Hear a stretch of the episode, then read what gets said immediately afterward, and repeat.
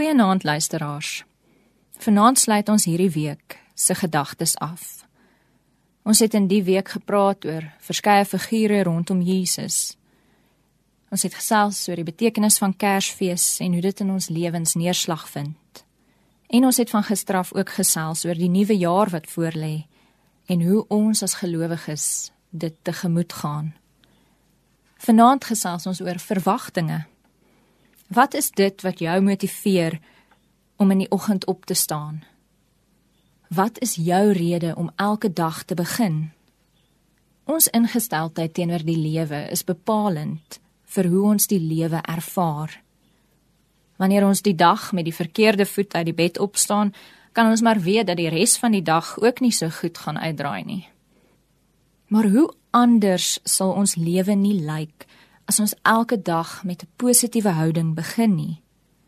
Dit kan ons net doen wanneer ons ons verwagtinge vir die dag in God stel. Die psalmdigter van Psalm 25 sê: "In U stel ek elke dag my verwagtinge." Niemand wat sy verwagting in U stel, sal beskaam word nie. Om ons verwagtinge in God te stel, beteken dat ons op God wag en op God vertrou. Dit beteken dat God se liefde en goedheid die motivering is waarmee ons elke dag aanpak. As ons ons verwagtinge in onsself, in mense of in mensgemaakte instansies stel, word ons teleurgestel.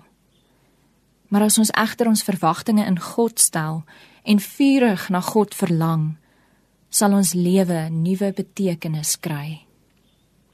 Mag dit so wees, liewe luisteraars, dat jy elke dag jou verwagtinge in God sal stel.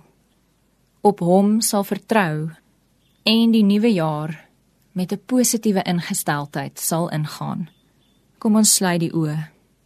Here God, ons dank U dat U liefdevol en getrou is. Wil U ons help om elke dag ons verwagtinge in U te stel. Amen.